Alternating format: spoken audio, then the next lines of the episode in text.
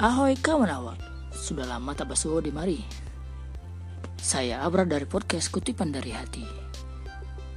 Mau mendeklarasikan bahwa saya menerima tantangan dari komunitas podcast terbesar di Indonesia.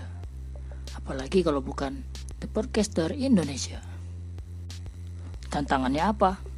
Tantangannya adalah 30 hari bersuara. 30 hari bersuara itu apaan, Brar?